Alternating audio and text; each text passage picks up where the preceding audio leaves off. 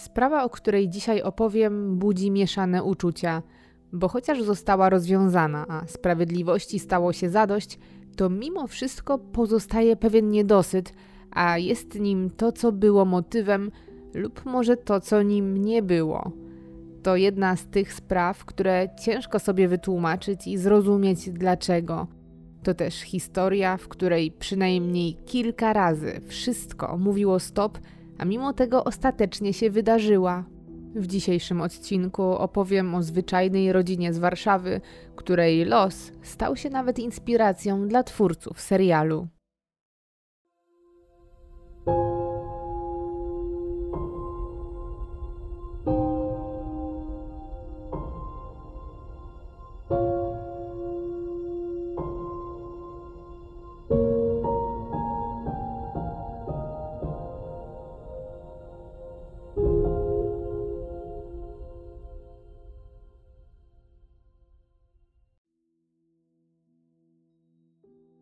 Jest rok 1995.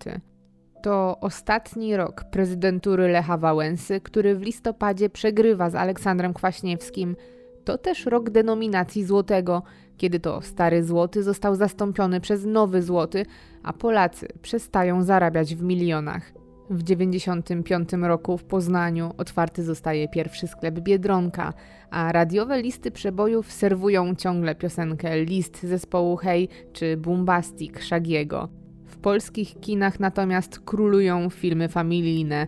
Szczególnie popularne są cztery, chyba dobrze wszystkim znane tytuły: Pocahontas, Kacper, Głupi i Głupszy oraz Maska – Bilet na taki film to koszt około 4 zł, a przeciętne miesięczne wynagrodzenie to nieco ponad 700. W sklepach za jedyne 2 zł można kupić cały bochenek chleba i masło, ale już nowy 21-calowy telewizor to wydatek rzędu 1000 zł. W cenie 16 telewizorów można mieć nowe Cinquecento z salonu, a benzyna kosztuje złoty 50 za litr. 1995 rok to, jak się wydaje, kolejny zwyczajny rok w życiu czteroosobowej rodziny z Warszawy. Jej głową i jedynym żywicielem jest Marian i ma 42 lata. Jego żona Anna jest 3 lata młodsza i aktualnie nie pracuje i zajmuje się domem. Para tworzy szczęśliwe małżeństwo, które jest razem od 17 lat. Marian i Anna mają też dwójkę dzieci – starszą, 14-letnią córkę Laurę i młodszego syna Daniela. Mieszkają w stolicy na Ursynowie w jednym z bloków przy ulicy Strzeleckiego. Ich mieszkanie mieści się na drugim piętrze dziewięciopiętrowego bloku z wielkiej płyty, który wybudowany został na początku lat 80. Mimo, że aktualnie rodzina mieszka w Warszawie, to oryginalnie stąd nie pochodzi. Małżeństwo przyjechało tu lata temu z małej miejscowości, w której sprzedali swoje gospodarstwo rolne, a za gotówkę kupili mieszkanie właśnie tutaj, w stolicy. Rodzinie wiedzie się całkiem dobrze. Marian z zawodu jest kwalifikowanym spawaczem i już od jakiegoś czasu pracuje głównie w Niemczech, gdzie razem ze swoją firmą regularnie jeździ na kontrakty. Za zachodnią granicą, za dokładnie taką samą pracę zarabia znacznie więcej niż w kraju, dlatego też rodzina decyduje się na życie w rozłące. Dodatkowo dzięki temu, że Marian zarabia bardzo dobrze, Anna nie musi pracować i zajmuje się domem, szczególnie, że często zostaje sama z dziećmi, a poza tym nie posiada żadnego konkretnego wykształcenia poza szkołą podstawową.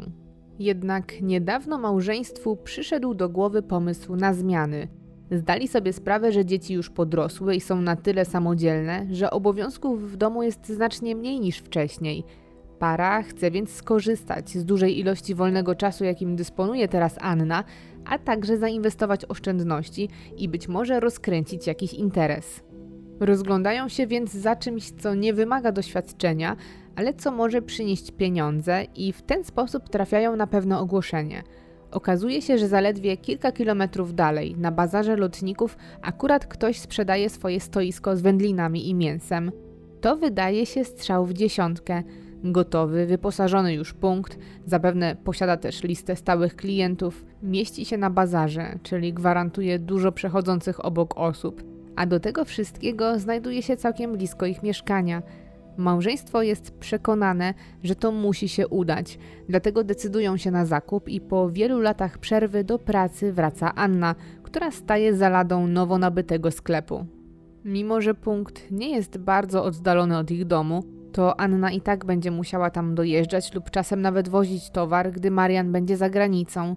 Para decyduje się więc na kolejny duży zakup i za resztę oszczędności kupują nowy samochód Fiata 125. Mijają miesiące, które weryfikują ostatnie duże decyzje małżeństwa.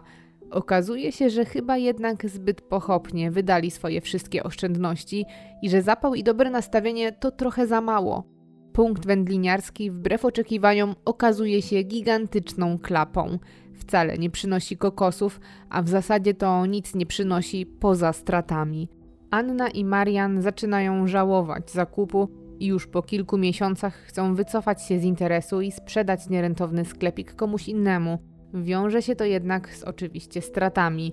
Na szczęście nie jest to ogromna tragedia dla rodziny, bo Marian wciąż pracuje jako spawacz i wyjeżdża do Niemiec, skąd przywozi wypłaty w markach. Rodzina więc nie jest w podbramkowej sytuacji, ale mimo wszystko jest to pewnego rodzaju rozczarowanie. Szczególnie, że Anna zdaje się odnajdywała w roli sprzedawczyni, a klienci, którzy się zjawiali, bardzo lubili nową właścicielkę. Interes, mimo chęci i nadziei, zostaje zamknięty, a życie rodziny wraca na dawne tory, jednak z pustym już kątem. Nadchodzi 15 czerwca 1995 roku. To czwartek i jednocześnie Boże Ciało, ruchome święto, które wypada dokładnie 60 dni po Wielkanocy. Anna razem z córką Laurą i synem Danielem pakują się, chcą skorzystać z długiego weekendu i zaraz jadą do dziadków na wieś. Marian z kolei nie za bardzo jednak ma ochotę na wyjazd do teściów. Zostaje więc w mieszkaniu na Ursynowie, gdzie chce odpocząć i nabrać sił przed wyjazdem na kontrakt, który czeka go za niecałe dwa tygodnie. Ten dzień mija więc bardzo spokojnie, głównie na lenistwie, szczególnie, że wszystko tego dnia jest zamknięte. Anna z dziećmi po południu rusza na wieś, a w mieszkaniu w Warszawie zostaje sam Marian, który zresztą i tak nie ma zamiaru się nigdzie ruszać i resztę wieczoru planuje spędzić przed telewizorem. Po kilku godzinach od wyjazdu żony w mieszkaniu rozbrzmiewa telefon. To Anna. Chce sprawdzić, co słychać u jej męża. Melduje się też, że u nich wszystko dobrze, że dojechali na miejsce i że niedługo pewnie kładą się spać. Po tej krótkiej rozmowie małżeństwo żegna się i każdy wraca do swoich spraw. Marian, mając już wieści od żony, może się w pełni zrelaksować i tak jak lubi, włącza telewizor, szczególnie, że dzisiaj transmitowany jest mecz, a on jest fanem piłki nożnej. Otwiera piwo, zasiada wygodnie przed ekranem, żeby kibicować lubianej drużynie i w ten sposób mija mu czas. Jednak późna godzina, wygodne siedzisko i leniwy klimat robią swoje. Jeszcze przed końcem rozgrywki mężczyzna zasypia na kanapie, co zresztą zdarza mu się bardzo często. Jest 12.30 w nocy. Marian ciągle drzemie na kanapie, ale w pewnym momencie budzi go jakieś zamieszanie na klatce schodowej. Słyszy dzwonienie pęku kluczy, a następnie charakterystyczny dźwięk wkładanego klucza do zamka. Marian zrywa się, bo dociera do niego, że to drzwi do jego mieszkania ktoś właśnie teraz próbuje otworzyć. Zupełnie nie rozumie sytuacji. Jest tutaj sam. Żona i dzieci są daleko poza Warszawą. Niedawno też rozmawiał z Anną. Nie ma możliwości, że nawet jeśli postanowiła wrócić, byłaby na miejscu tak szybko. Mężczyzna przeczuwa, że coś jest nie tak. Nie zapalając światła i nie wydając żadnego dźwięku, skrada się w ciemnym mieszkaniu i po cichu kieruje w stronę drzwi, żeby zbadać o co chodzi.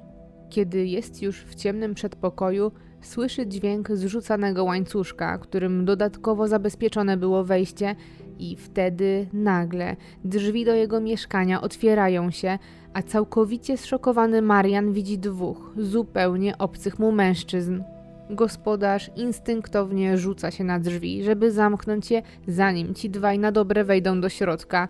Jednak jeden z nich mu to uniemożliwia. Wkłada swoją stopę między drzwi i framugę i blokuje możliwość zamknięcia. Marian wpada w panikę, krzyczy i woła o pomoc, jednocześnie siłując się z napastnikami. Jednak wbrew wszelkim przypuszczeniom, sytuacja eskaluje jeszcze bardziej. W szparze wciąż niedomkniętych drzwi nagle pojawia się lufa i na oślep padają trzy strzały. Strzały są jednak na całe szczęście niecelne. Przerażony Marian chowa się w kącie za drzwiami, a napastnicy, nie sprawdzając co z mężczyzną, prawdopodobnie spłoszeni oporem i hałasem, uciekają.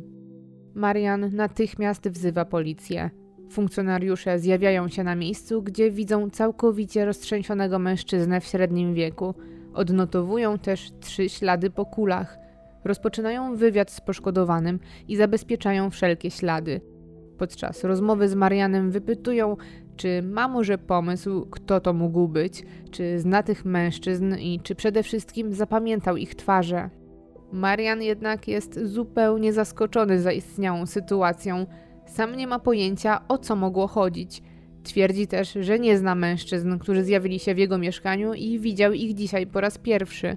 Mało tego, jeden z nich jego zdaniem wyglądał nawet jak ktoś z zagranicy, bo miał ciemniejszą karnację.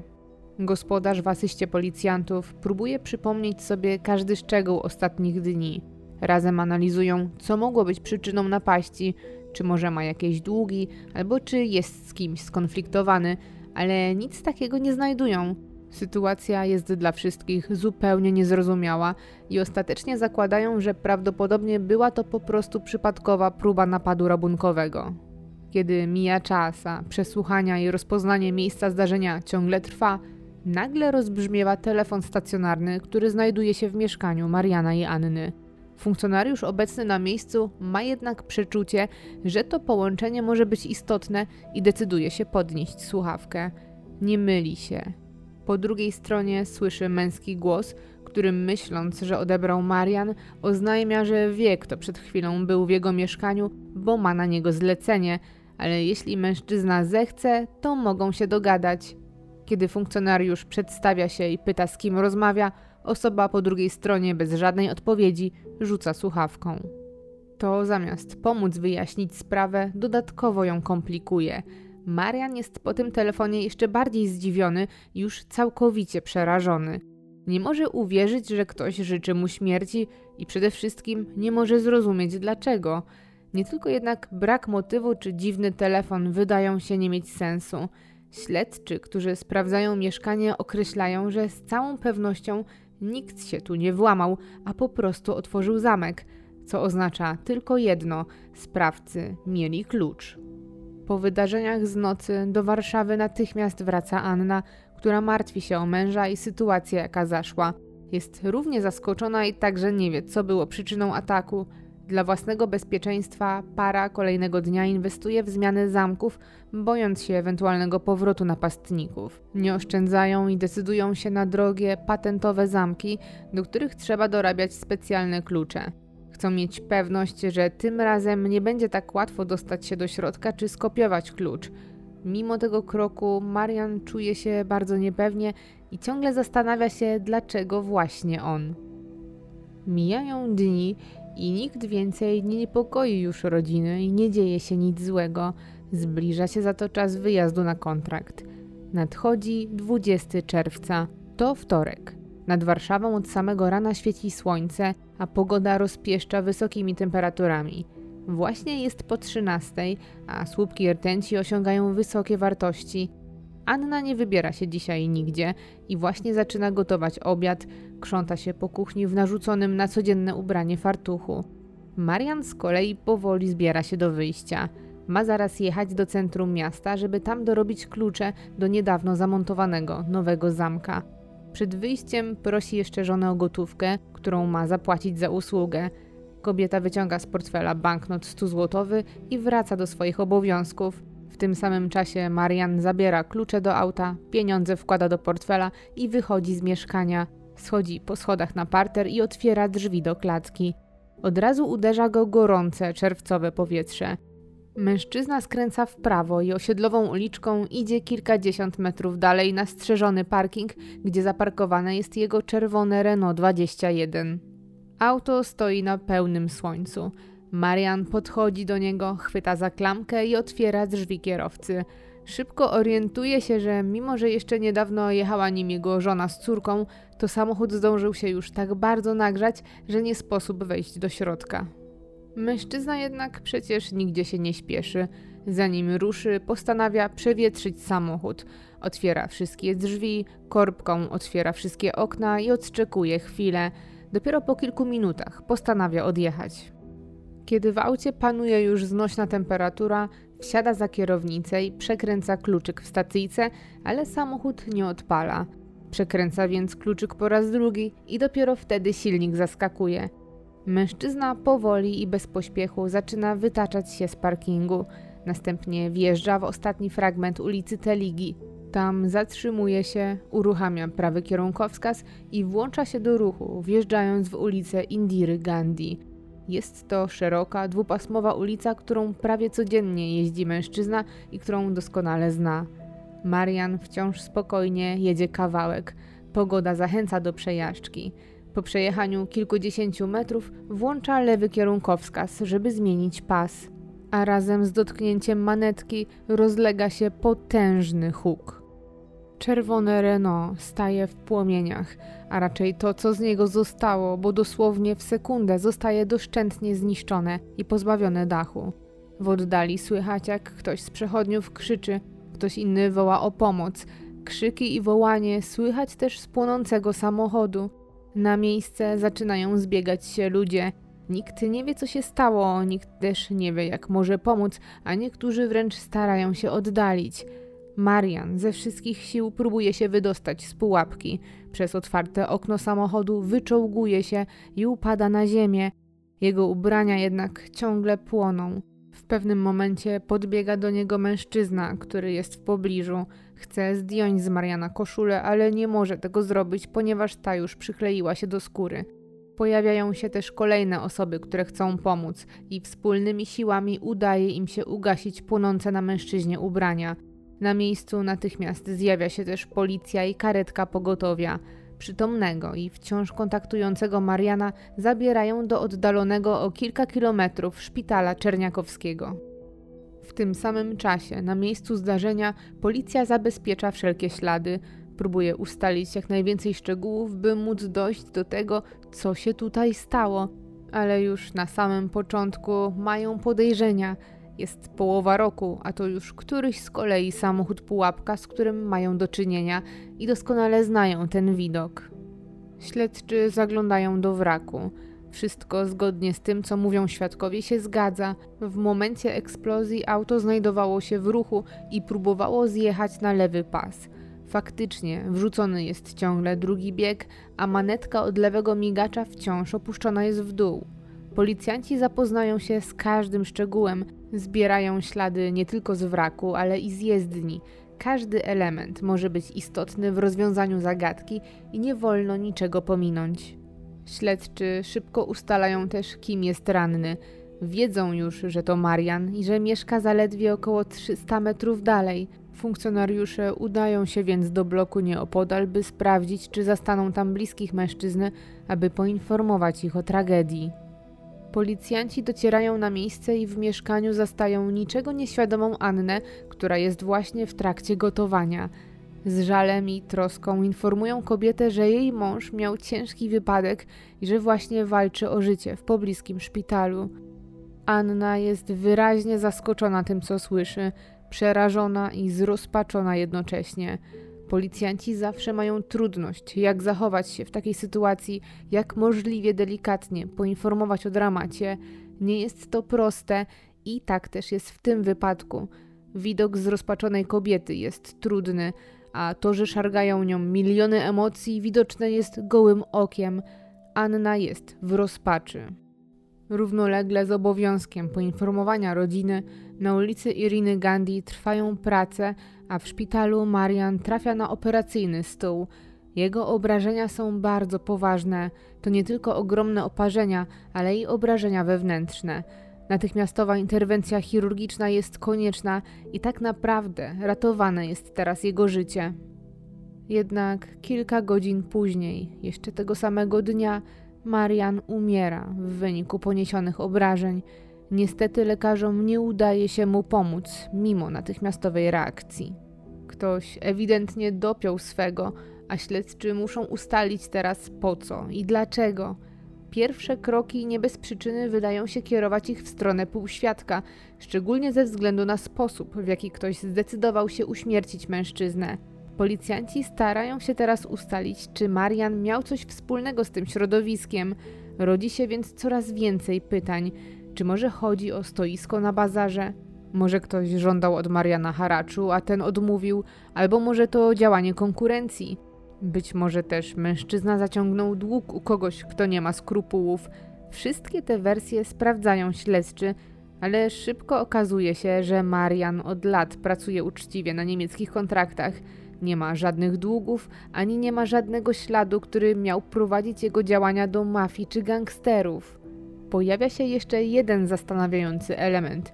Śledczy szybko łączą tajemniczą śmierć mężczyzny ze świeżą sprawą włamania i napadu, jaka miała miejsce przecież zaledwie kilka dni wcześniej. Teraz nie wydaje się być to przypadkowym działaniem. To zbyt duży zbieg okoliczności i ewidentny znak dla śledczych, że być może to, co wcześniej wzięli za zwykłą próbę rabunku, było tak naprawdę pierwszą nieudaną próbą zabójstwa.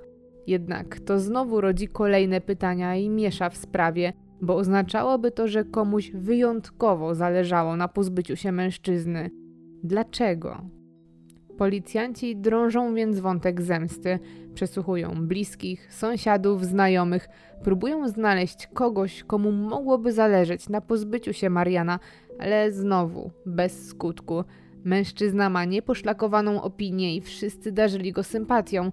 Zresztą tuż po napadzie w jego mieszkaniu, jak zeznają świadkowie, Marian był wręcz przerażony tym, co go spotkało. Zupełnie nie rozumiał, dlaczego ktoś chciał go skrzywdzić i martwił się, że z tego powodu nie wie, jak temu zapobiec. Kiedy śledczy wiążą już te dwa zdarzenia, postanawiają ponownie przyjrzeć się napadowi z nocy z 15 na 16 czerwca. Szukają tropów, które być może pomogą znaleźć jakiś wspólny punkt. Analizują zapiski i protokoły i wtedy trafiają na notatkę o telefonie, jaki został wykonany do mieszkania małżeństwa, który zresztą odebrał funkcjonariusz. Słowa wypowiedziane przez obcego mężczyznę brzmią wręcz proroczo. Policjanci mają teraz nadzieję, że to ten telefon powie im coś więcej. W obliczu tak poważnej sytuacji kontaktują się z operatorem i ustalają skąd wykonane zostało połączenie jakiś czas po napadzie. Ku zaskoczeniu wszystkich trop prowadził bardzo blisko, bo do baru El Greco, który znajduje się dosłownie kilkadziesiąt metrów od wejścia do klatki bloku, w którym mieszkał Marian, a to kolejny bardzo dziwny zbieg okoliczności. El Greco to niewielki bar, który mieści się w małym parterowym budynku schowanym między alejkami osiedla, a miejsce, mimo że niepozorne, owiane jest złą sławą i to nie bez przyczyny. Od dawna wiadomo, że regularnie spotykają się tu typy spod ciemnej gwiazdy w celach biznesowych. Funkcjonariusze czują, że jest to dobry trop. Udają się więc na miejsce i intensywnie przesłuchują obsługę, ale i stałych bywalców tego miejsca. Szybko ustalają, że w Boże Ciało w dniu pierwszego ataku na Mariana w barze pojawił się ktoś nowy, ktoś, kogo dotąd nigdy nie widzieli. Zapamiętali go ze względu na jego nietypową i zdecydowanie niepolską urodę. Świadkowie zeznali, że mężczyzna miał ciemną karnację i faktycznie wyglądał jak ktoś spoza granic naszego kraju. Mało tego, jednemu ze świadków chwalił się bronią, którą miał przy sobie. To wyjątkowo intryguje śledczych. Ktoś całkowicie obcy w miejscu, w którym raczej bywają stale te same twarze, schowana pod kurtką kabura, nieco dziwne zachowanie i typ urody podobny do jednego ze sprawców napadu, to nie może być przypadek. Policjanci drążą więc dalej, jednak nikt z baru nie zna personaliów mężczyzny, ale śledczy mają swoje sposoby. Interesuje ich, czy mężczyzna podczas pobytu w barze coś pił i okazuje się, że tak. Kupił całą butelkę wódki. To wbrew pozorom niezwykle ważna informacja, bo pozostawiona na miejscu butelka może przecież doprowadzić ich do tego, kim był tajemniczy nieznajomy. Funkcjonariusze pytają więc obsługi, czy mają jeszcze dostęp do pustych butelek, i na ich szczęście odpowiedź jest twierdząca. Skrzynka do zwrotu szkła ciągle czeka na zapleczu, by oddać ją do skupu. Śledczy zabierają zabezpieczony przedmiot, żeby spróbować pobrać z niego odciski palców i tym samym być może ustalić, kim był nieznajomy o ciemnej karnacji. Kiedy trwa oczekiwanie na wyniki badań daktyloskopijnych, śledczy uważniej przyglądają się billingom. Skoro już pierwszy trop okazał się być trafiony, może znajdą jeszcze coś. Ich uwagę zwraca jeden, często powtarzający się numer na liście połączeń.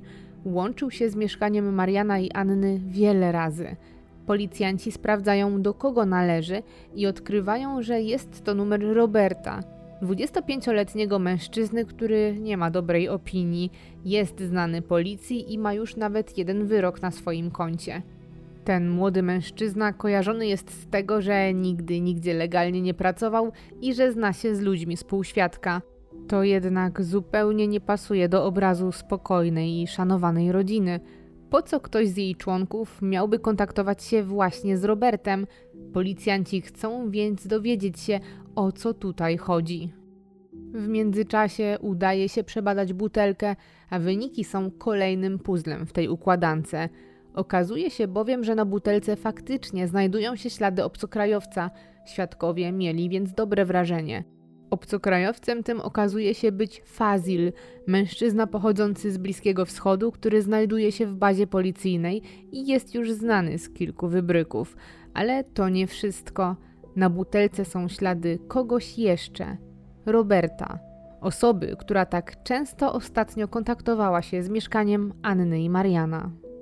Śledczym zaczyna wyłaniać się powoli obraz wydarzeń z nocy z 15 na 16 czerwca, kiedy to Marian został zaatakowany w mieszkaniu. To nie może być przecież przypadek, że ci dwaj w podobnym czasie byli w okolicy, praktycznie tuż pod blokiem ofiary. Nie może być też przypadkiem, że Marian zapamiętał, że jeden z napastników wyglądał na obcokrajowca i nie może być też przypadkiem to, że w ostatnim czasie Robert intensywnie próbował kontaktować się z telefonem w mieszkaniu małżeństwa. Policjanci obserwują więc obu mężczyzn i szybko okazuje się, że rzeczywiście dobrze się znają. Obcokrajowiec i Robert regularnie się widują i spędzają ze sobą sporo czasu – jeżeli to faktycznie oni są odpowiedzialni za śmierć Mariana, to jaki był ich cel i czy Marian miał jakieś tajemnice? Śledczy decydują się przesłuchać obu mężczyzn, ale ci nie mają zbyt wiele do powiedzenia. Mało tego, umniejszają swojej znajomości.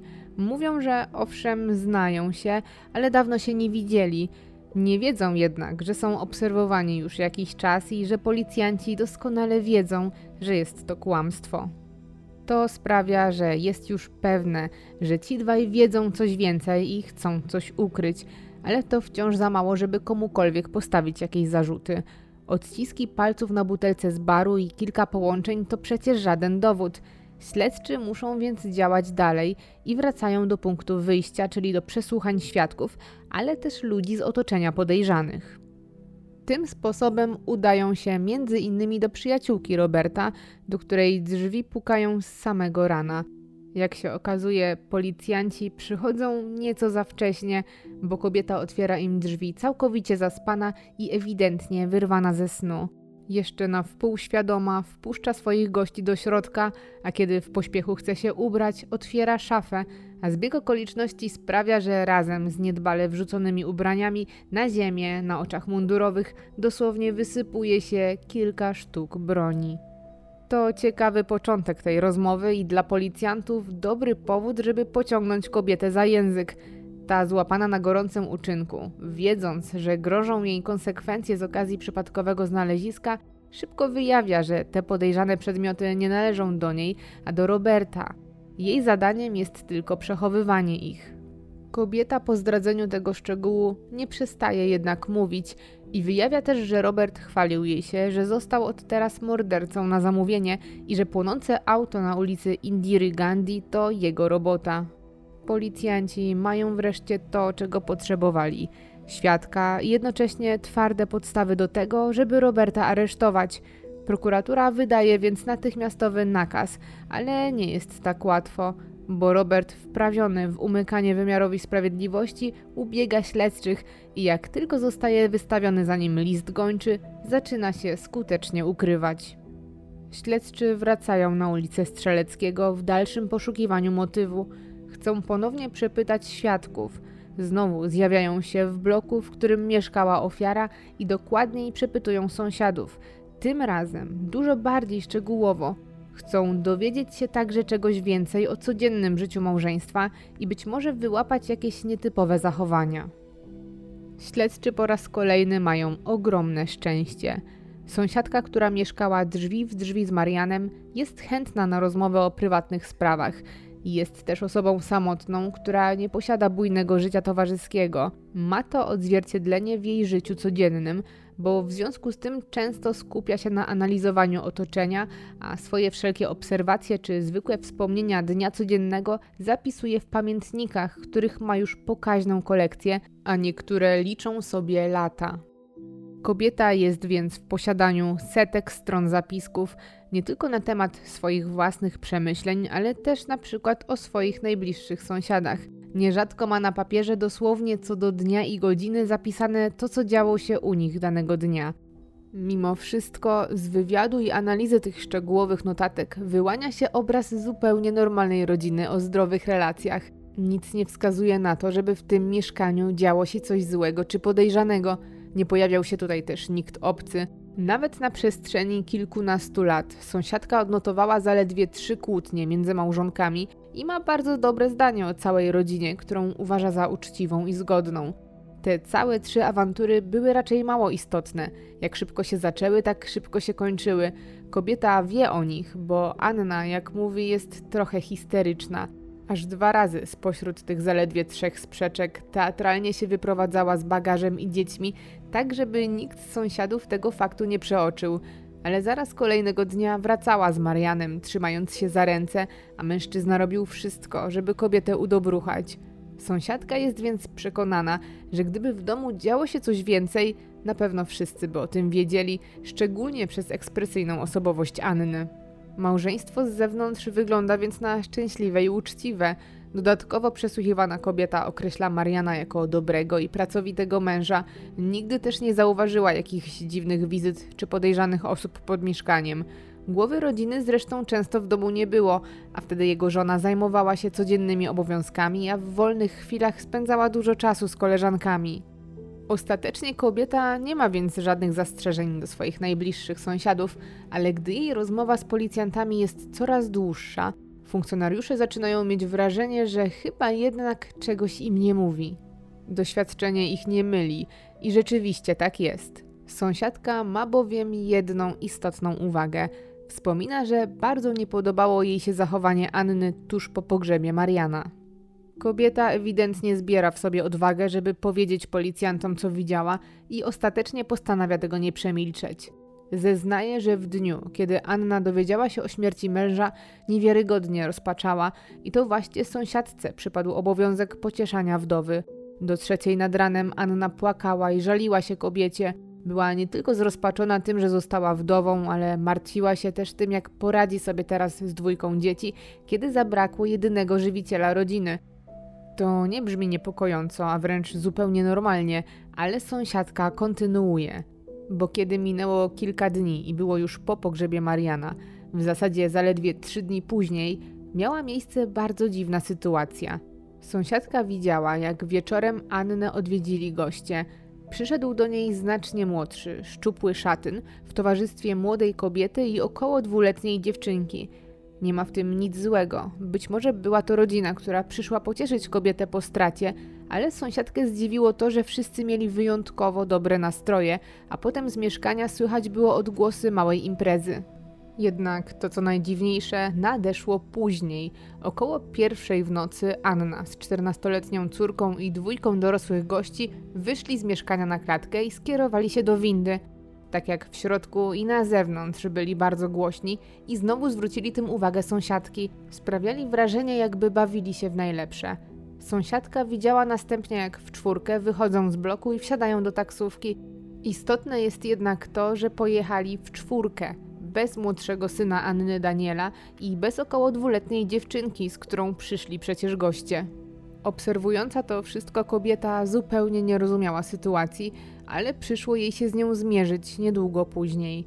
Około drugiej w nocy ktoś zaczął pukać do jej drzwi i tym kimś okazał się być zaledwie dziesięcioletni syn Anny. Chłopczyk był wystraszony i zdezorientowany. Poprosił o pomoc sąsiadkę, bo jak się okazało, został w domu sam razem z małą dziewczynką, która obudziła się i płacze, a on sam nie wie co robić i jak ją uspokoić. Kobieta, niewiele myśląc, oczywiście pomogła Danielowi. Poszła z nim do mieszkania wdowy z naprzeciwka i faktycznie zastała tam pozostawione same sobie dzieci. Postanowiła zostać już z nimi w mieszkaniu do momentu, aż któryś z opiekunów wreszcie wróci. A stało się to dopiero dwie godziny później, o czwartej nad ranem, kiedy to cała czwórka radośnie wróciła do mieszkania na Ursynowie. Dorośli byli pod wpływem i zupełnie nie wydawali się przejmować sytuacją, a na pewno nie czuli potrzeby, żeby sąsiadce za cokolwiek dziękować. Ta sytuacja była bardzo nie na miejscu. Nikt z całej czwórki nie sprawiał wrażenia kogoś pogrążonego w żałobie, jakby tylko ich uciecha miała w tym momencie znaczenie. Składająca zeznania kobieta nie wie, czy te informacje są w jakiś sposób istotne, ale zdecydowała się nimi podzielić. Śledczy nie traktują tego jednak jako sąsiedzkie plotki, wręcz przeciwnie, są bardzo zainteresowani tymi nowinami. Mają nawet do kobiety jedno uzupełniające pytanie. Pokazują jej kilka zdjęć przedstawiających różnych mężczyzn i pytają, czy rozpoznaje którąś z twarzy. Sąsiadka bez większego namysłu wskazuje na zdjęcie przedstawiające nikogo innego jak Roberta i potwierdza, że z całą pewnością to on imprezował z Anną zaledwie kilka dni po śmierci jej męża. Śledczy tak naprawdę już od dawna to czuli, a teraz są już prawie pewni, że Anna, żona Mariana, zamieszana jest w zabójstwo swojego męża. Szczególnie, że i oni mieli do czynienia z bardzo niepokojącą sytuacją. 21 czerwca, z samego rana, ta sama dwójka policjantów, która dzień wcześniej informowała Annę o tym, że Marian trafił do szpitala, przybyła także tego dnia, żeby poinformować ją o najgorszym, że została wdową. To było dla nich trudne zadanie, szczególnie po poprzedniej reakcji. Spodziewali się najgorszego i wielu silnych emocji, ale było zupełnie inaczej. Po wieści o tym, że Mariana już nie ma, Anna zamiast zacząć płakać i rozpaczać, albo chociaż posmutnieć, zaczęła być radosna i uśmiechnięta. Funkcjonariusze byli zbici z tropu, zupełnie nie takiej reakcji się spodziewali. Z początku widzieli, że kobieta próbowała okazać smutek, ale zupełnie jej to nie wychodziło. Zamiast tego ewidentnie się cieszyła i na swoje nieszczęście nie umiała tego ukryć przed światem. Bogatsi o tyle dowodów i zeznań postanawiają ponownie przesłuchać wdowę. Anna zostaje wezwana na komisariat, gdzie znowu policjanci wypytują ją o wydarzenia z drugiej połowy czerwca. Po raz kolejny zadają wiele pytań, a samo przesłuchanie wygląda podobnie jak te poprzednie, słyszą też podobne zeznania, ale to, czego Anna nie wie, to to, że i ona znajduje się teraz w gronie podejrzanych. Śledczy chcą ją zaskoczyć i sprawdzić jej reakcję. Wyciągają zdjęcia przedstawiające różnych mężczyzn, podobny komplet do tego, który pokazywali sąsiadce z naprzeciwka. Wśród widniejących tam twarzy jest też oczywiście twarz Roberta. Proszą kobietę, żeby uważnie przyjrzała się fotografiom, spojrzała, czy przypadkiem nie kojarzy nikogo z nich, może któryś gdzieś jej kiedyś mignął, może sobie coś przypomni. Anna wnikliwie przygląda się zdjęciom, ale kręci głową i stwierdza ze stanowczością, że nikogo z przedstawionych na zdjęciach osób nie zna i nigdy nie widziała. Policjanci wiedzą już, że kłamie, że to ona kontaktowała się z Robertem telefonicznie, a nawet imprezowała z nim kilka dni po śmierci męża. Pytają Annę, że skoro nie wie, kim jest szczególnie jeden z mężczyzn na zdjęciu, Robert, to dlaczego z jej stacjonarnego telefonu ktoś wielokrotnie z nim rozmawiał, zarówno przed, jak i po śmierci Mariana? To pytanie całkowicie zbija kobietę z tropu, a zapędzona w kozi róg daje się ponieść emocjom. Zaczyna płakać i przez łzy przyznaje, że wcześniej kłamała, ale teraz chce już wyznać prawdę. Mówi, że owszem, kojarzy Roberta i że od razu rozpoznała go na zdjęciu. Jak twierdzi, poznali się na początku czerwca, ale to jej mąż przyprowadził go do ich wspólnego mieszkania i przedstawił jako bliskiego przyjaciela. Potem mężczyźni widywali się jeszcze kilka razy, a także rozmawiali wielokrotnie przez telefon, a nawet czasem wychodzili na całe noce. Marian zabronił jej jednak dopytywać o tę znajomość, a także mówić o niej głośno. Jej rolą było dochowanie tajemnicy męża, której zobowiązała się pilnować także po jego śmierci. Anna wyznaje, że jej zdaniem niedługo przed śmiercią Marian wplątał się w jakieś nieciekawe interesy właśnie z Robertem. Nie wiedziała, co dokładnie robili, bo zawsze musiała wychodzić, kiedy rozmawiali, a sam mąż nie dzielił się z nią swoim sekretem, ale domyślała się, że to coś niezgodnego z prawem. Jej zdaniem miało to związek z nielegalnym handlem samochodami, które jej mąż rzekomo sprowadzał z Niemiec, jako że często bywał tam podczas kontraktów. Kobieta zresztą na potwierdzenie swoich słów przypomina śledczym, że podczas przeszukania mieszkania znaleźli sporo umów kupna sprzedaży różnych samochodów i że prawdopodobnie to właśnie ślad po tych interesach. Anna mówi też, że po nocnym napadzie na ich mieszkanie mąż wiele razy dzwonił do Roberta i wypytywał, czy to on ma coś z tym wspólnego. Wielokrotnie próbowała podpytać, o co dokładnie chodzi, czy może ktoś mu grozi, czy jest w niebezpieczeństwie, ale ten nie tylko to negował, co strofował ją, żeby nie mieszała się w nie swoje sprawy. Zgodnie z jego sugestią, więcej nie drążyła. Jednak funkcjonariusze nie czują się usatysfakcjonowani tłumaczeniami kobiety. Faktycznie znaleźli sporo umów kupna-sprzedaży, ale były to papiery sprzed nawet kilku lat, a jak przecież twierdzi Anna, z Robertem poznali się dopiero niedawno, a nie kilka lat temu. Nie tłumaczy to też tego, dlaczego tak intensywny telefoniczny kontakt trwał także po śmierci Mariana. Skoro mężczyźni mieli wspólne interesy, a ona nie była w nie wtajemniczona, to po co do siebie dzwonili? Anna odpowiedź ma gotową. Robert dzwonił do niej z groźbami, że jeśli tylko komukolwiek o nim wspomni, zwłaszcza policji, i ona skończy, jak jej mąż. Dlatego nie mówiła nic wcześniej i udawała, że go nie zna, bo bała się. To brzmi sensownie, ale śledczy mają jeszcze jedno, ostatnie pytanie. Skoro Robert był przyjacielem i partnerem w interesach jej męża, a ona sama się go wręcz bała, bo uciekał się do gruźb, to jak wytłumaczy fakt, że świetnie bawiła się z nim i jego partnerką zaledwie kilka dni po pogrzebie swojego męża? Z początku całkowicie zaskoczona tym pytaniem kobieta chce zaprzeczać, ale policjanci mówią jej, że mają na to świadka. Anna wtedy pęka. Przyznaje, że faktycznie widziała się tamtej nocy z partnerem biznesowym Mariana, bo podczas tego spotkania miała mu powiedzieć, że nie chce się więcej z nim zadawać.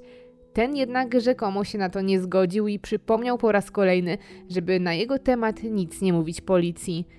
To wszystko brzmi bez sensu, jak tłumaczenia wymyślone na poczekaniu i kłamstwo za kłamstwem. Tym bardziej śledczy tak bardzo chcą porozmawiać z Robertem i dowiedzieć się, co on w tej sprawie ma do powiedzenia. Muszą jednak do niego dotrzeć. I udaje im się to dzięki matce Roberta, która postanawia współpracować i wskazuje policji, gdzie przebywa jej syn. Mężczyzna zostaje zatrzymany na dzień przed własnym ślubem. Ku zaskoczeniu śledczych, mimo schwytania go w tak niefortunnym dla niego momencie, ten chce współpracować. Motywuje to chęcią zmiany swojego stylu życia, bo jak twierdzi, chce zacząć od nowa i nie spędzić reszty życia w więzieniu. Zarzeka się, że powie wszystko, jak było.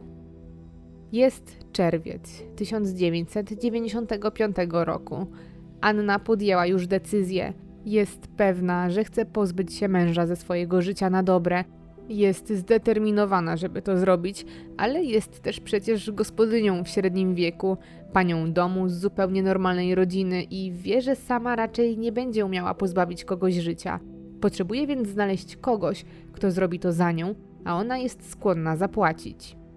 Jednak i tu pojawia się problem, bo z racji prowadzenia uczciwego życia Anna nie zna ludzi z ciemnej gwiazdy.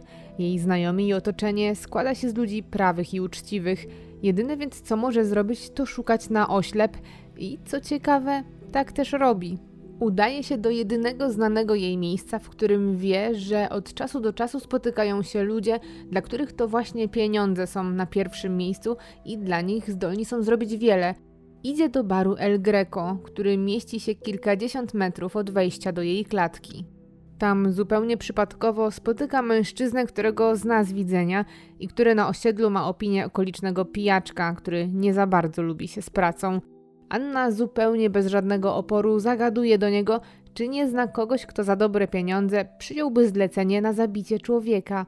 Mężczyzna o dziwo nie jest z tym skrępowany i mówi, że popyta. Jakiś czas później pijaczek przez przypadek wpada w barze na Roberta, z którym trochę imprezują.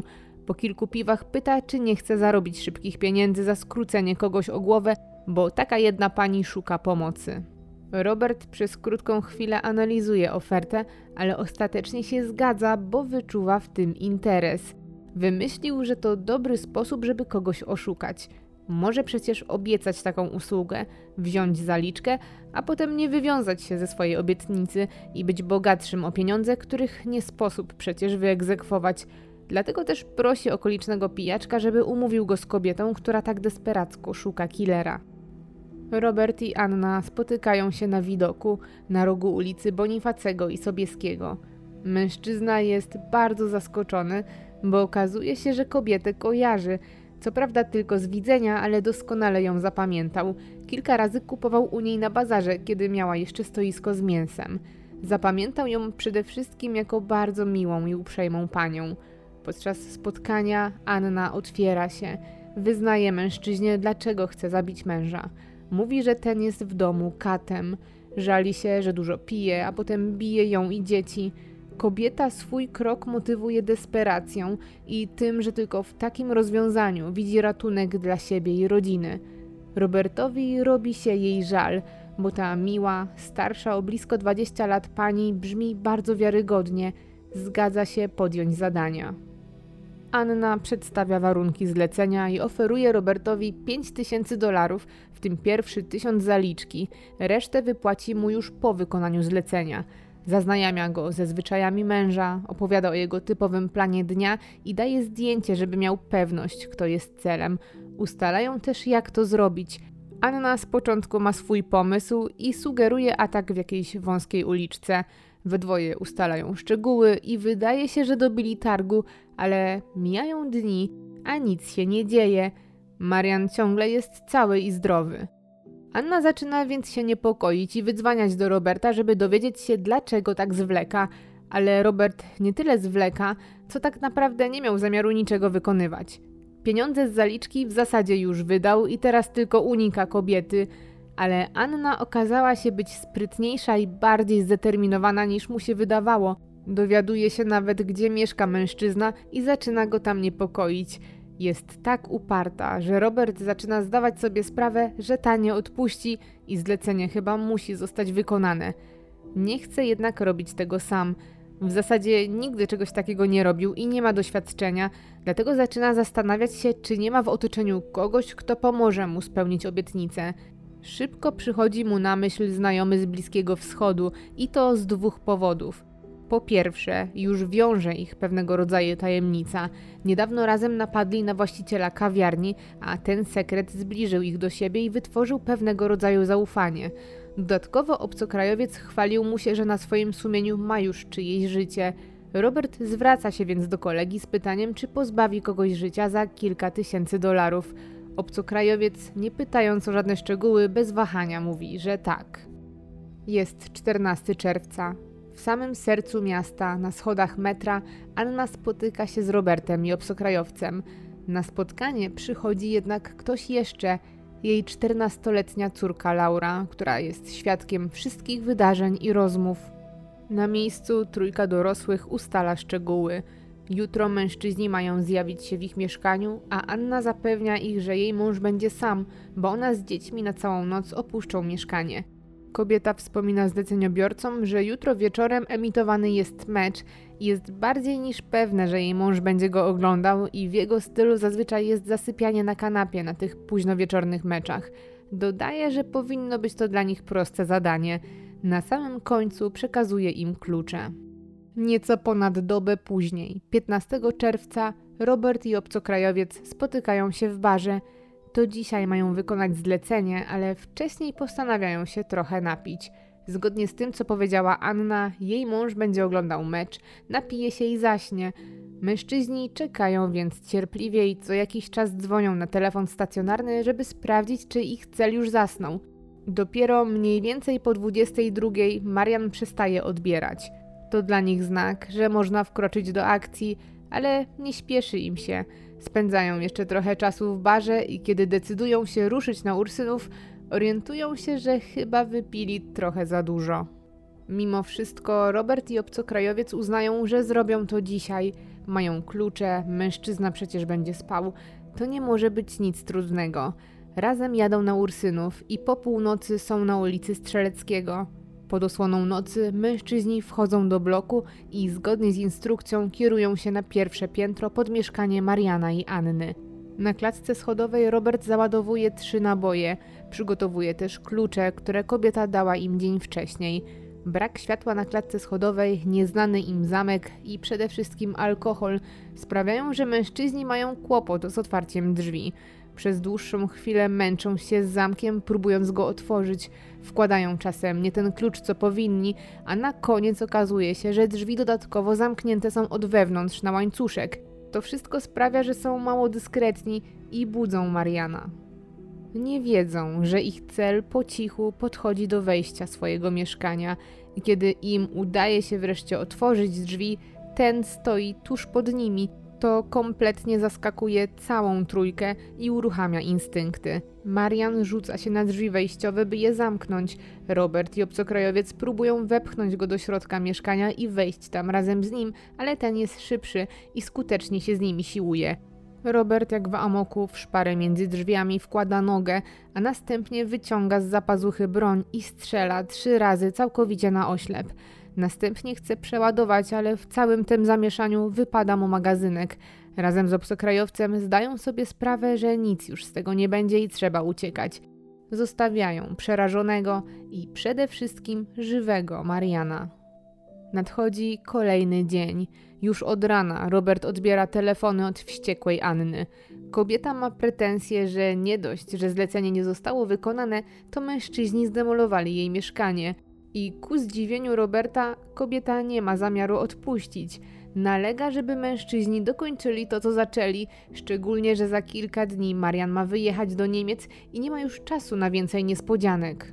Robert zaczyna mieć wątpliwości, bo nie wie, czy jest zdolny pozbawić kogoś życia w bezpośrednim kontakcie.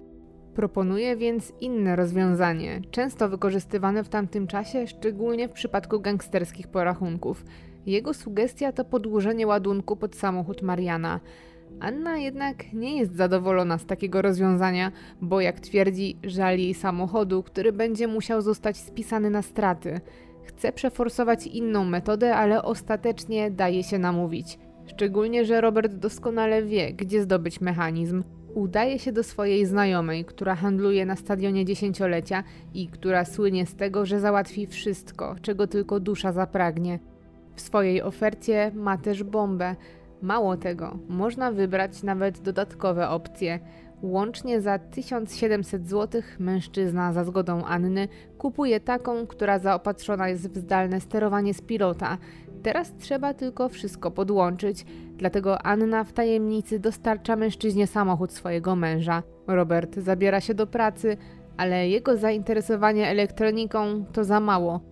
Okazuje się, że nie potrafi podłączyć wszystkiego poprawnie. Musi zasięgnąć porady, dlatego ponownie udają się do koleżanki handlarki, która już tym razem kontaktuje go bezpośrednio z konstruktorem.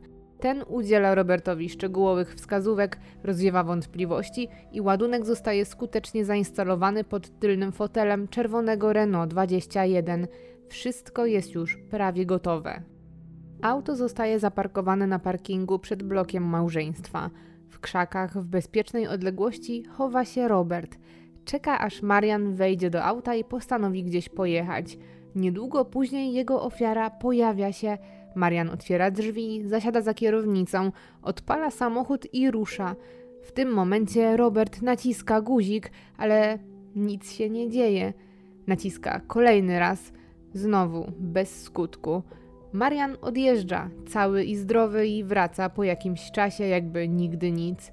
Robert jest sfrustrowany.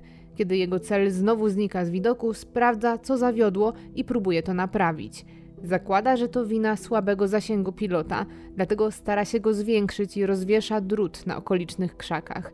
Wydaje mu się, że teraz powinno już zadziałać, ale przecież potrzebny jest do tego Marian. Robert próbuje podstępem wywabić go z domu, dzwoni z budki telefonicznej i podaje się za policjanta. Mówi mężczyźnie, że musi natychmiast przyjechać na komendę, żeby odpowiedzieć na kilka pytań. Marian nie wyczuwa żadnego podstępu. Zgodnie z telefoniczną prośbą wsiada do auta, a schowany w bezpiecznej odległości Robert czeka i gdy jego cel zasiada w fotelu i rusza, ponownie naciska guzik, ale i to nie wywołuje żadnej reakcji. Po wielu godzinach spędzonych na parkingu i po kilku nieudanych próbach, Robert kontaktuje się z Anną, że liczne próby spełzły na niczym, ale kobieta nie chce tego słyszeć. Jest zdeterminowana, żeby dopiąć swego i sama zjawia się na miejscu, żeby sprawdzić, czy rzeczywiście pilot nie odpowiada. Na tym sprawdzeniu zjawia się z nastoletnią córką Laurą. Kobieta bierze do ręki pilot, którym może aktywować odliczanie, ale i w każdym momencie je przerwać. Naciska guzik i czeka, ale zgodnie z tym, co powiedział jej przed chwilą wykonawca, coś tu nie działa. Anna nie ma jednak zamiaru odpuścić. Postanawia złożyć reklamację u samego konstruktora. Razem z córką wsiadają do czerwonego Renault zaopatrzonego w ładunek pod tylnym siedzeniem i jadą 20 kilometrów dalej. Na miejscu konstruktor sugeruje, że to zapewne gąbka z fotela zakłóca przesyłanie sygnału radiowego, przez co niemożliwe jest zdalne uruchomienie, ale dodaje, że za 500 zł udzieli kolejnych instrukcji, jak podłączyć zapalnik do obwodu elektrycznego samochodu. Anna zgadza się na taki układ. Na miejscu zjawia się Robert, który zgodnie z sugestiami podłącza zapalnik do lewego kierunkowskazu. Jego włączenie będzie wydaniem wyroku.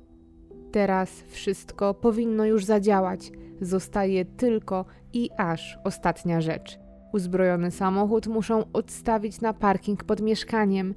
Mimo ogromnego ryzyka, matka z nastolatką ruszają w drogę i jadą z powrotem 20 kilometrów z Żoliborza na Ursynów. Wiedzą, że nawet przypadkowe dotknięcie lewego kierunkowskazu może kosztować je życie – mają jednak ogromne szczęście i w jednym kawałku docierają na swoje osiedle. Tego samego dnia, 20 czerwca, koło południa, Anna z córką są na miejscu. Auto parkują na strzeżonym parkingu tuż pod blokiem i wracają do mieszkania. Teraz już tylko czekają, aż Marian weźmie kluczyki, wejdzie do samochodu i użyje lewego kierunkowskazu.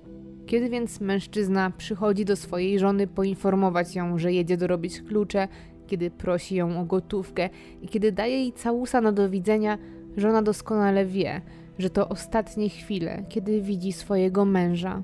Także jej nastoletnia córka wie, że tata właśnie wychodzi z domu po raz ostatni. Mężczyzna, niczego nieświadomy, wsiada do samochodu w piękny, czerwcowy, leniwy dzień. Rusza, powoli, nie śpiesząc się, jedzie kawałek i wjeżdża w ulicę Indiry Gandhi. Tam chce zmienić pas, Włącza lewy kierunkowskaz, nieświadomie skazując się na pewną śmierć. Jest wrzesień 1995 roku, to blisko trzy miesiące po śmierci Mariana.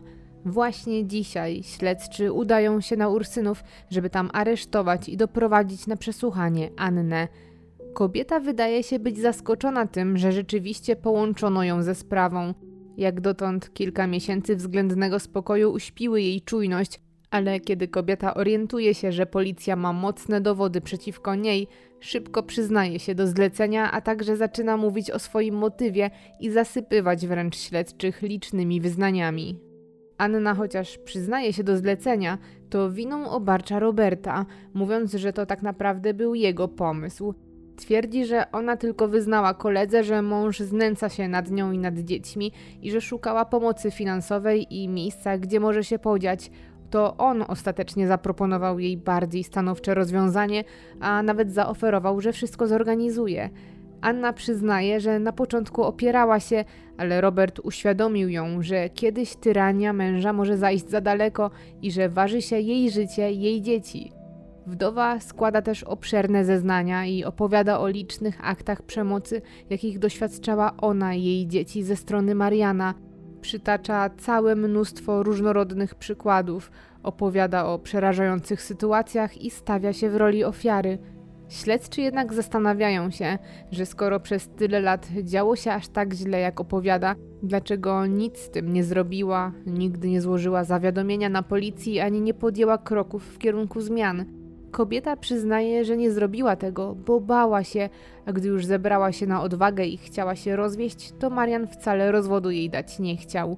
Mówi też, że nie miała wsparcia od bliskich, bo po tym jak pożaliła się swoim rodzicom, jak wygląda jej życie, usłyszała jedynie, że to ona wybrała takiego, a nie innego partnera, a wyjście za mąż było jej wolą. Podobnie jak to, że nagle wyjechała do Warszawy i opuściła rodzinne strony.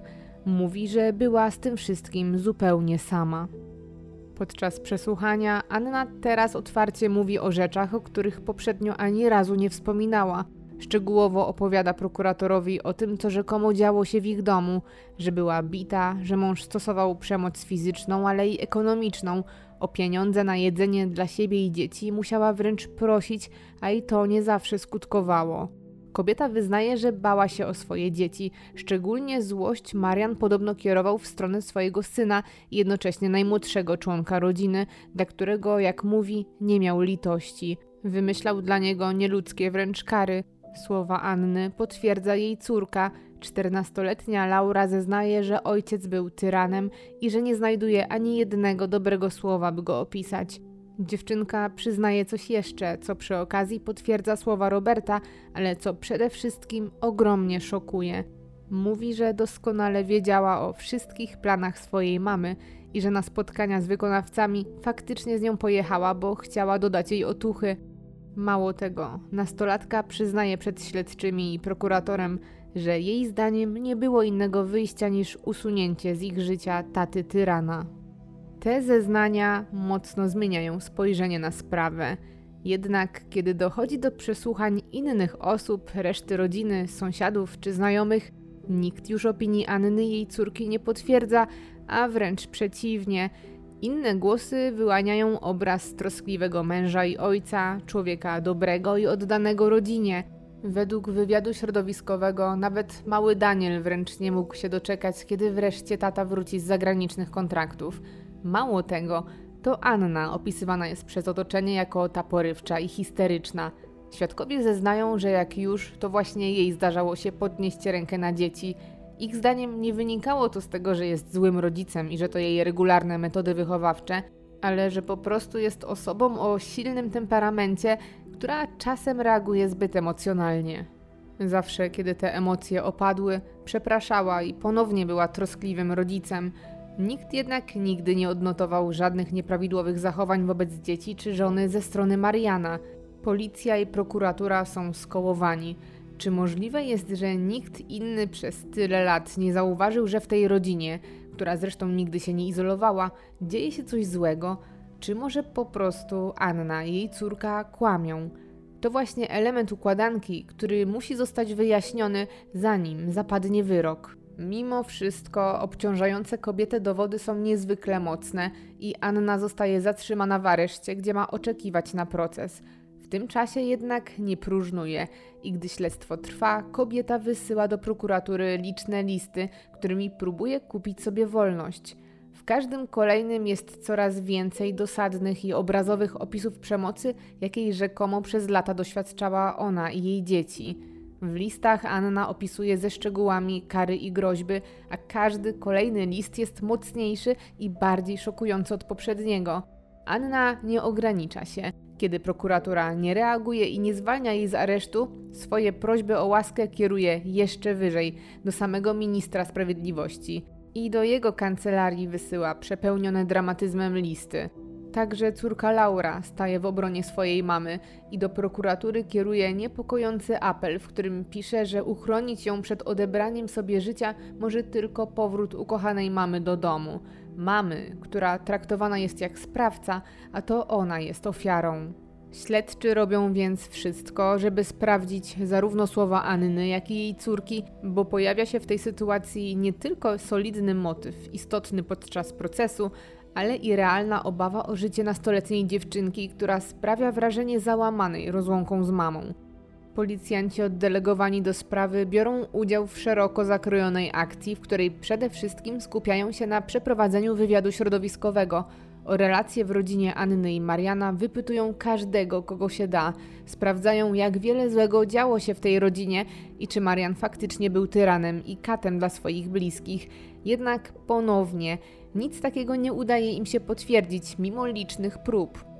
Śledztwo więc trwa i posuwa się do przodu, szczególnie ze względu na dużą współpracę ze strony Roberta.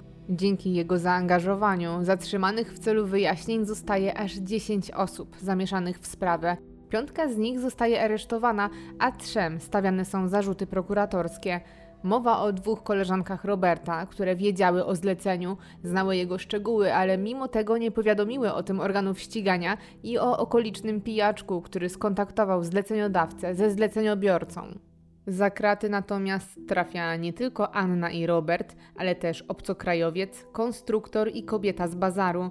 Co bardzo ciekawe w tej sprawie, nastoletnia Laura, która o wszystkim wiedziała, po złożeniu zeznań w policyjnej izbie dziecka zostaje zwolniona bez stawiania jej zarzutów.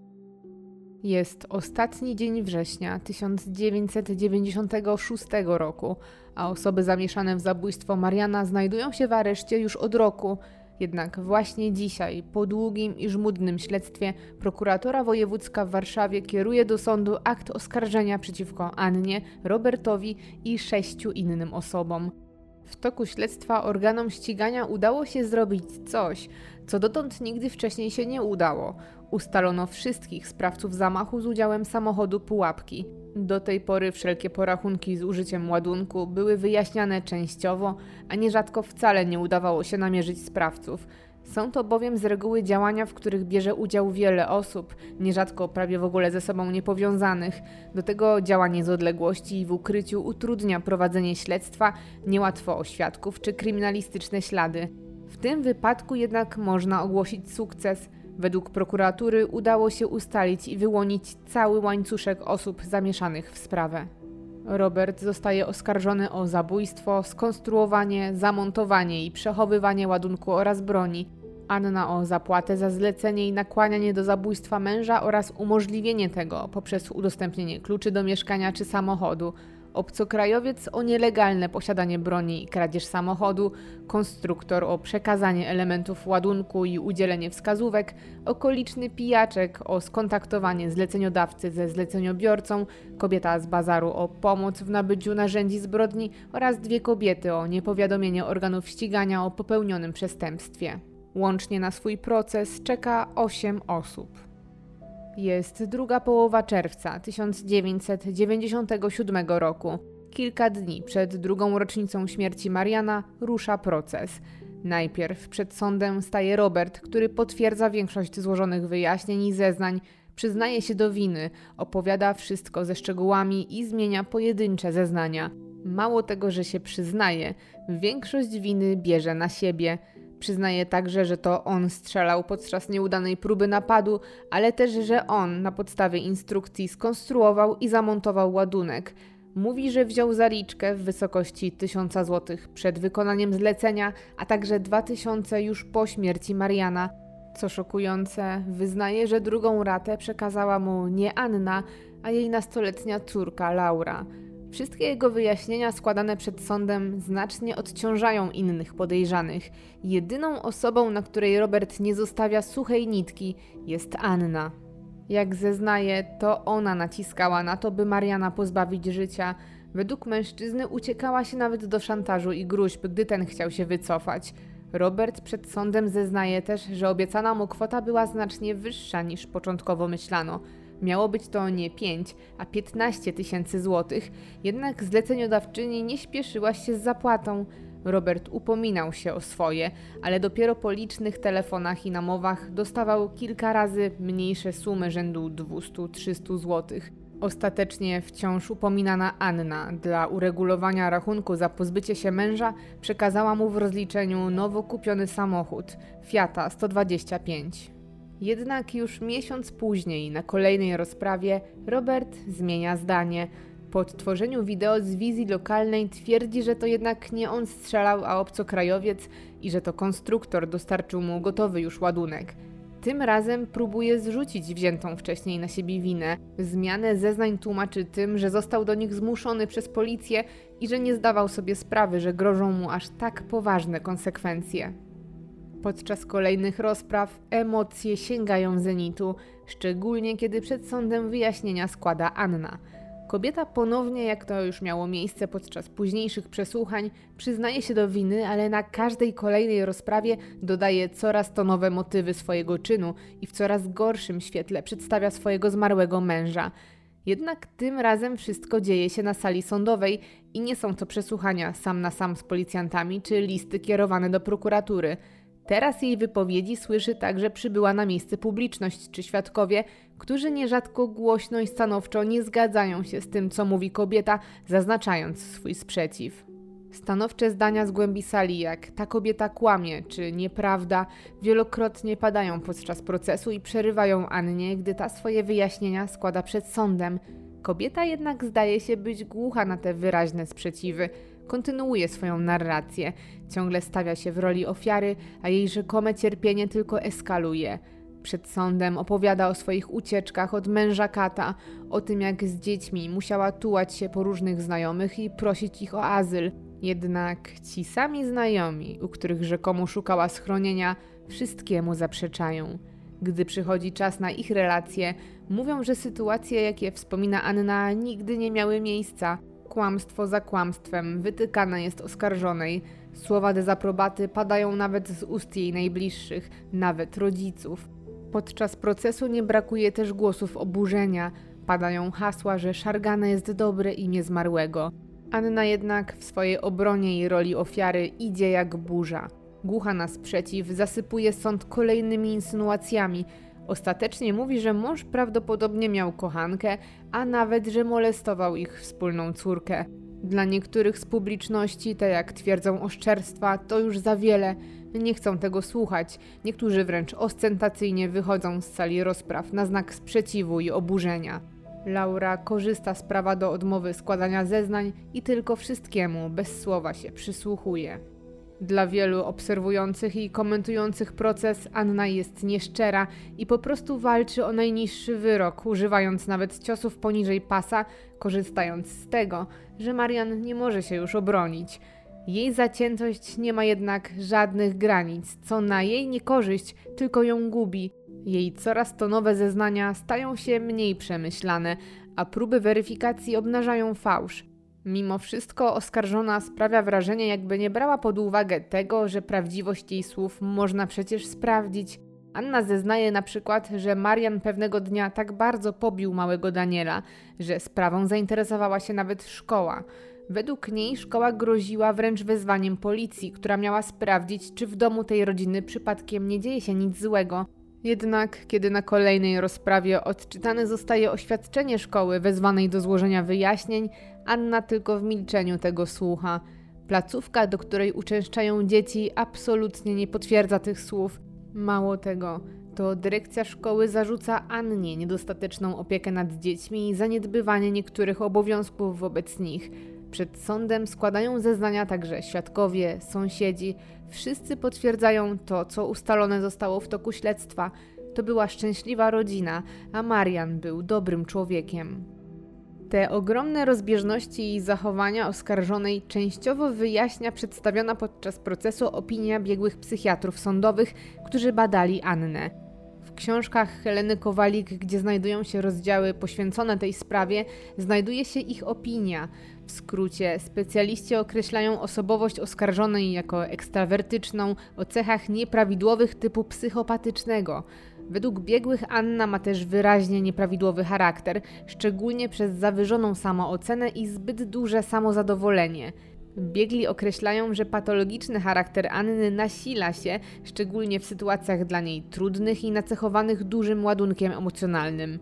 Psychiatrzy stwierdzają u kobiety zaburzenia uczuciowości wyższej, także w kontaktach interpersonalnych. Według lekarzy wszelkie wyciąganie konsekwencji w związku z zachowaniem Anny sprawia, że ta nie czuje skruchy, a wręcz przeciwnie, stawia się w roli ofiary i czuje się pokrzywdzona. Stosuje też swoiste mechanizmy obronne, jakimi są kłamstwa i zaprzeczenie. Zdaniem biegłych Anna żyje też na pokaz i niezwykle zależy jej na tym, co myślą o niej inni, a najważniejsze jest dla niej to, by myślano, że bardzo jej się powodzi. Jest marzec 1998 roku. Po dziewięciu miesiącach procesu przychodzi czas na zamknięcie sprawy i wygłoszenie mów końcowych przez oskarżycieli i obrońców. Mimo stania po różnych stronach, konkluzja jest wspólna. Jak przerażająco mało znaczy dla niektórych ludzkie życie i jak łatwo znaleźć kogoś, kto to życie zgodzi się odebrać i to za niewygórowaną kwotę. Prokuratura nie ma wątpliwości. Wszystko zostało zaplanowane i przemyślane, a do tego nie ustalony został żaden sensowny motyw działań. Wiele miesięcy prac nie pozwoliło znaleźć dowodów na to, że w małżeństwie Mariana i Anny działo się coś złego.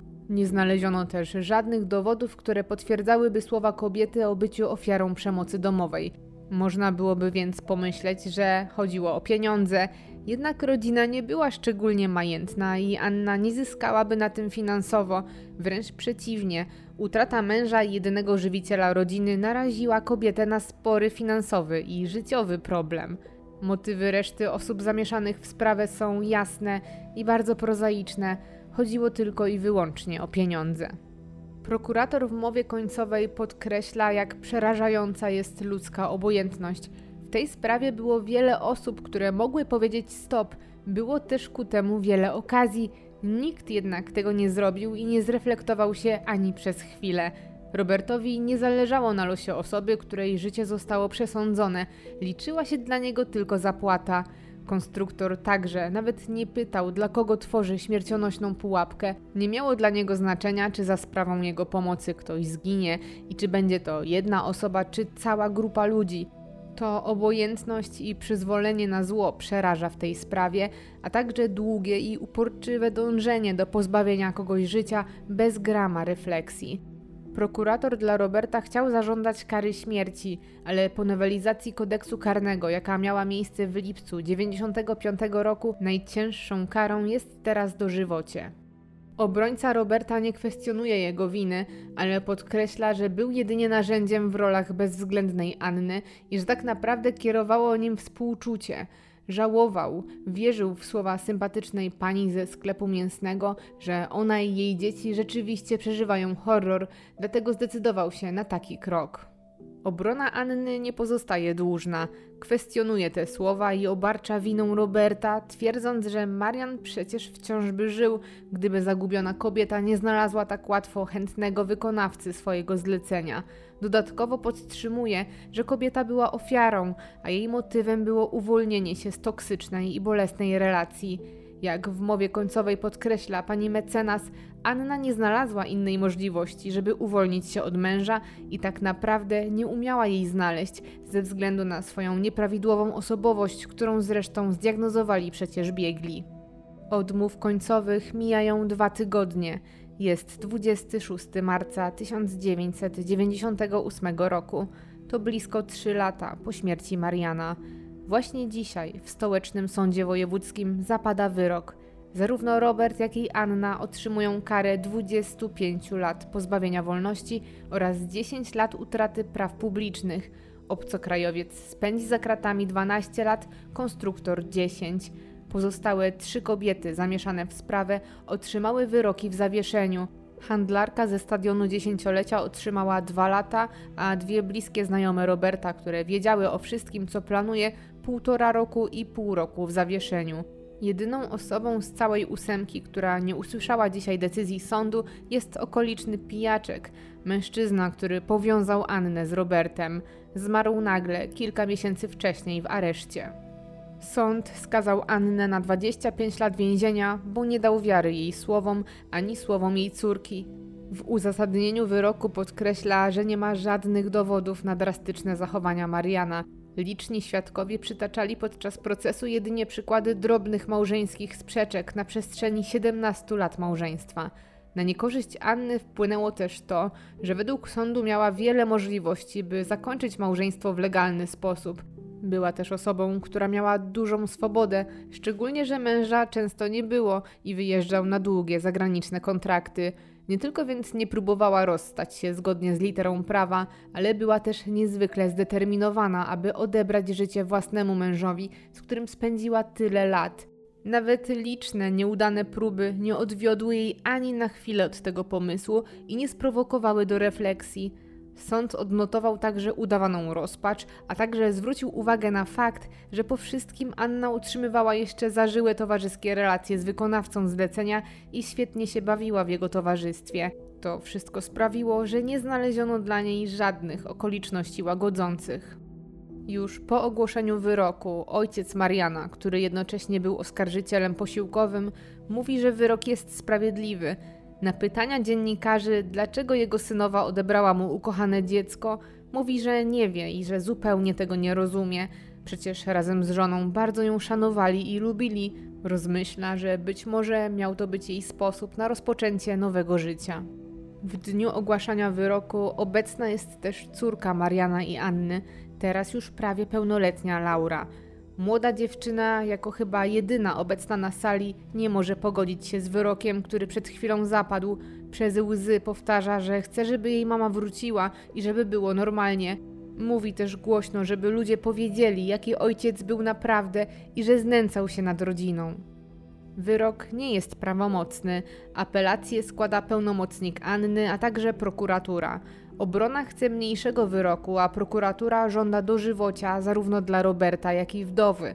Kilka miesięcy później wyrok 25 lat pozbawienia wolności dla Anny zostaje podtrzymany, natomiast Robertowi zostaje zmniejszony do 17 lat. Sąd apelacyjny bierze pod uwagę to, że dzięki jego zeznaniom i współpracy szybko udało się złapać wszystkie osoby powiązane ze sprawą i wyjaśnić jej przebieg. Kasacja zostaje oddalona. Anna zostaje osadzona w zakładzie karnym w Grudziądzu. Tam jest bezproblemową więźniarką. Z czasem doszkala się i zostaje szwaczką. Chętnie pomaga też w kuchni, a w czasie odświadki poznaje mężczyznę i wychodzi za niego za mąż, przyjmując jego nazwisko. Nie ustępuje też oczywiście w walce o swoją wolność jak to miało miejsce za czasów pobytu w areszcie i teraz na przestrzeni lat pisze listy do prezydentów z prośbą o łaskawienie – Łącznie wysyła takich próśb siedem, kilka do Aleksandra Kwaśniewskiego i kilka do Lecha Kaczyńskiego. W swoich podaniach, ponownie jak miało to miejsce podczas procesu, opisuje, że była ofiarą przemocy i że to sytuacja życiowa zmusiła ją do podjęcia tak drastycznych działań. Wspomina, że powinna być teraz nie za kratami, a ze swoimi dziećmi, a także ze starzejącymi się rodzicami, którzy wymagają jej opieki i którymi jako ich córka musi się zająć. Co ciekawe, te listy niosą ze sobą pewne działania i zostaje przeprowadzony wywiad środowiskowy, a także sprawdzane jest to, czy rzeczywiście rodzina Anny jest w potrzebie. Jednak znowu, jak lata temu, okazuje się to wszystko nieprawdą. Rodzice osadzonej w więzieniu kobiety nie potwierdzają jej słów.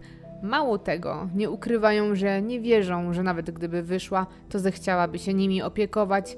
Zresztą są dobrze zaopiekowani przez ich drugie dziecko, syna, który mieszka tuż obok.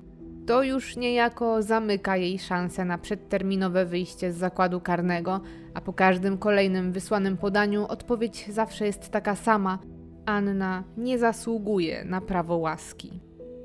Historia małżeństwa z Ursynowa w tamtym czasie odbiła się głośnym echem w mediach, ale też na dobre niejako zapisała się w popkulturze, bo stała się inspiracją dla twórców kultowego już dzisiaj serialu Pitbull, gdzie jeden z odcinków, konkretnie dziesiąty drugiego sezonu, został poświęcony właśnie historii Anny i Mariana. Wydarzenia z tamtych dni zostały odtworzone podobnie, Motyw natomiast był zupełnie inny. W serialu postać inspirowana Anną miała romans ze zleceniobiorcą. I tu warto ponownie zwrócić uwagę na kwestię motywu lub jego braku, bo dla niektórych ta historia nie jest do końca czarno-biała. W 2013 roku w magazynie Reporter ukazał się artykuł na temat sprawy. Jego autor, Piotr Matysiak, rozmawiał z policjantką, która brała udział w rozpracowaniu zbrodni i która między innymi rozmawiała z Anną tuż po tragicznych wydarzeniach. To między innymi właśnie ona informowała ją o wypadku, a później o śmierci męża i ona w dużej mierze rozpracowała sprawę.